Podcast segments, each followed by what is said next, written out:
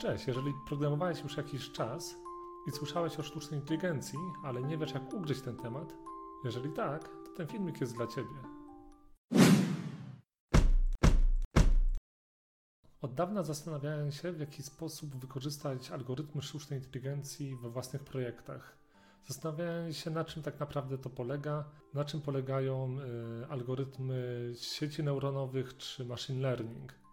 Pokażę Ci, w jaki sposób ja przeszedłem swoją drogę od programisty do projektu wykorzystującego sieci neuronowe. Zapraszam. Na początku zaczniemy od przejrzenia darmowych informacji w sieci. Mamy do dyspozycji blogi, YouTube czy też medium.com. Na swoim blogu umieściłem linki e, z ciekawymi artykułami czy też filmikami na temat y, sieci neuronowych czy też algorytmów machine learning. Kiedy przejdziemy już tego typu artykuły, zobaczymy mniej więcej na czym polegają algorytmy, warto wybrać jakiś kurs o sieciach neuronowych czy też algorytmach y, machine learning. Ja osobiście wybrałem Machine Learning, Data Science and Deep Learning with Python. Jest to kurs prowadzony przez byłego pracownika Amazona, który to pracował nad systemem rekomendacji w Amazonie. Niestety kurs ten jest tylko w języku angielskim, tak też jeżeli nie znasz tego języka będzie Ci ciężko. Ja osobiście włączyłem sobie też napisy angielskie, bo czasami można spotkać jakieś trudne słówka, szczególnie z dziedziny matematyki, czy też bardzo specjalistyczne słownictwo.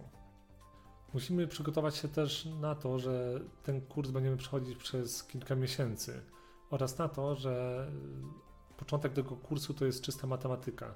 Na szczęście jest to matematyka na poziomie liceum, więc raczej każdy jest w stanie to ogarnąć. Nawet jeżeli już nie pamiętamy pewnych rzeczy z matematyki albo nie byliśmy orłami z matematyki, to jest to tak wyjaśnione, że rzeczywiście można zrozumieć tą matematykę, pomimo że w liceum jej nie rozumieliśmy.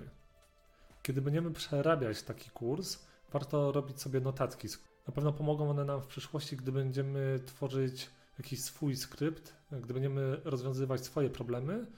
Przy, przyda nam się to, aby przypomnieć sobie pewne kwestie związane z, z algorytmami. Warto też zapisywać sobie notatki w, w samym kodzie, gdy będziemy przerabiać kurs. Tak samo jak notatki na kartce pomogą nam podczas przypominania sobie pewnych kwestii, pewnych zagadnień z tego kursu. Kiedy przerobimy już sobie taki kurs, będziemy mieli już podstawową wiedzę na temat tego, czym są algorytmy sztucznej inteligencji. Warto jest wtedy wrócić jeszcze raz do materiałów na YouTubie czy też na blogu, no chociażby dlatego, że będziemy już mieli lepszą wiedzę na temat tego, w jaki sposób tworzyć się tego typu systemy. Jeden z takich kanałów, który polecam, jest to kanał Sendex. Jest to człowiek, który ma rzeczywiście naprawdę dobrą wiedzę na temat algorytmów AI. Potrafi też bardzo dobrze przekazać swoją wiedzę. Ma on dwa cykle związane z machine learning i deep learning, które bardzo polecam. Tutaj również warto przedrobić e, jego kursy wraz z przykładami, jakie on pokazuje. Kiedy już będziemy mieli przedrobione kilka przykładów z jednego czy z drugiego kursu, warto zastanowić się, jaki problem my byśmy chcieli rozwiązać. W tej kwestii przychodzi nam z pomocą e, serwis Kaggle, który to udostępnia za darmo datasety e, z różnych dziedzin. E, wystarczy przejrzeć tylko ten serwis, wybrać sobie pewien problem, jaki będziemy chcieli rozwiązać, ściągnąć sobie właśnie taki dataset i zacząć nad nim pracować. Fajne jest to w tym serwisie, że inne osoby pokazują swoje rozwiązania tego problemu, dzięki czemu jeżeli my utkniemy na jakimś problemie, jesteśmy w stanie podejrzeć, jak dane zagadnienie rozwiązała inna osoba oraz ogólnie sobie podejrzeć, w jaki sposób inni ludzie rozwiązują tego typu problemy. Ja na początek wybrałem sobie problem związany z językiem migowym. Jest to problem rozpoznawania na podstawie zdjęć liczb pokazywanych za pomocą palców. Jest to całkiem prosty problem, Dataset też nie jest jakiś y, mega duży, dzięki czemu też nie potrzebujemy y, bardzo dużej mocy obliczeniowej swojego komputera. I też jest tu dosyć sporo informacji na temat tego, w jaki sposób inne osoby rozwiązały ten problem. Kiedy już rozwiążemy jakiś problem, mamy już wiedzę na temat tego, czym są sieci neuronowe, czym są algorytmy sztucznej inteligencji, w jaki sposób podchodzi do różnych problemów i na tym etapie moglibyśmy zakończyć nasze działania. Warto tu też wspomnieć o narzędziach, y, jakie y, powinniśmy znać podczas tworzenia własnych modeli, własnych algorytmów. Jednym z podstawowych narzędzi jest Jupyter. Jest to swego rodzaju edytor z możliwością podpięcia różnych języków, w tym właśnie Pythona. Edytor ten jest interaktywny, czyli jeżeli wprowadzimy jakiś fragment kodu, jesteśmy w stanie go odpalić i edytor wyrzuci nam output z tego programu. Jest to całkiem fajne przy różnego rodzaju wykresach, czy też miejscach, gdzie będziemy chcieli sobie przejrzeć pewne zmienne. Oprócz tego, oczywiście możemy skorzystać z dowolnego IDE, na przykład Visual Studio Code, który to też ma wtyczkę do Jupitera. Wszystko zależy od tego, jaki skrypt będziemy pisać, czy coś bardziej rozbudowanego, czy też nie. Kolejną kwestią, nad jaką musimy się pochylić, jest kwestia tego, gdzie będziemy odpalać nasze skrypty. Mamy do dyspozycji przetwarzanie za pomocą naszego procesora, co nie jest zbyt wydajne. Kolejną opcją jest użycie naszej karty sieciowej, co już jest całkiem rozsądnym rozwiązaniem. Taki dataset, jaki ja miałem przy Sign Language, zajęło mi około 40 minut, aby wyuczyć swój model rozpoznawania liczb w języku migowym. Kolejnymi opcjami, jakie mamy, jest również serwis Kaggle lub Colab. Są to serwisy podobne do siebie pod tym względem, że udostępniają nam za darmo serwery, na których jesteśmy w stanie odpalić nasze skrypty. Oba te serwisy udostępniają edytory w postaci Jupitera, aczkolwiek Colab udostępnia zmodyfikowaną wersję Jupitera, czyli wrzucamy nasz kod do serwisu, odpalamy go, on jest przetwarzany na serwerach Google'a w, w przypadku Colaba lub na serwerach Kagle'a i nie musimy się przejmować tym, aby nasz y, komputer był cały czas włączony. Oba te serwisy udostępniają przetwarzanie za pomocą GPU i to całkiem dobrych GPU, więc nie musimy się martwić o wydajność i o to, że będziemy spędzać wiele dni, na, aby wyuczyć nasz model.